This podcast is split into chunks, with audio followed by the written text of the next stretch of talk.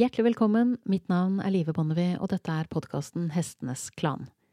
Etter en veldig utfordrende femte sesong, hvor podkasting viste seg å være krevende, og lanseringen av vårt epos Kampen om Narvik viste seg å være umulig, så er jeg tilbake for fullt med sesong seks av podkasten Hestenes Klan, og vi har fått på plass en ny premieredato på Kampen om Narvik, 25.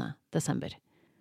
Jeg forventer ikke at en podkast om ridekunst og hestevelferd og en spillefilm om andre verdenskrig skal stå på toppen av alle andres agenda akkurat nå, når en ny krig raser i Europa, side om side med en pandemi og en klimakrise som i sum bygger seg opp til noe som ligner veldig på en perfekt storm.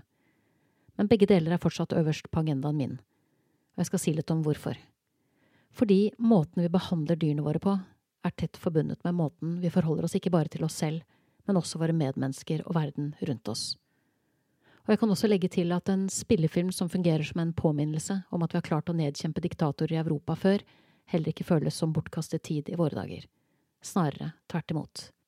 Dette ligger med andre ord an til å bli en utfordrende og hektisk høst, så jeg har derfor brukt en solid bit av sommerferien på å forberede sesong seks, og den ser bra ut. Første episode lanseres nå på mandag, og her møter du Arne Kotz som trener hester for krig, slik det ble gjort da ære var høyt ansett og riddere bar rustning. Her er en smakebit.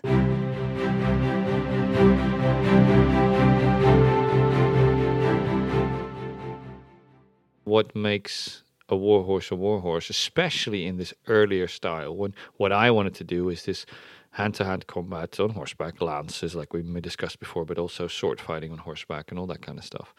Um, that's martial arts. And martial arts, you need to be very precise if you just do your karate or whatever. You need to be very precise in controlling yourself. But once you do this on a horse, you need to control this horse in a very, very precise way. So they, they always talk about uh, timing and distance is the words you get thrown after you in, in, in martial arts a lot.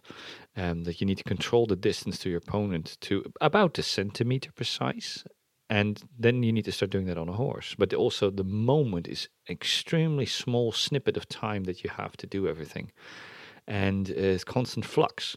So having that kind of um, requirement is much more what the older riding styles do. They need to make you capable of using a lance or a sword or whatever and thereby you need to be very very precise with everything. So you kind of need to the horse needs to just put its feet where you just decided to put them. You know, you don't want to think about anything but the the task at hand, and that means that you need to uh, use riding much more like a dance. You know, when you're dancing, the, the music is playing. You need to go along with it, and that is a very similar thing that you have within mounted fencing or anything like that.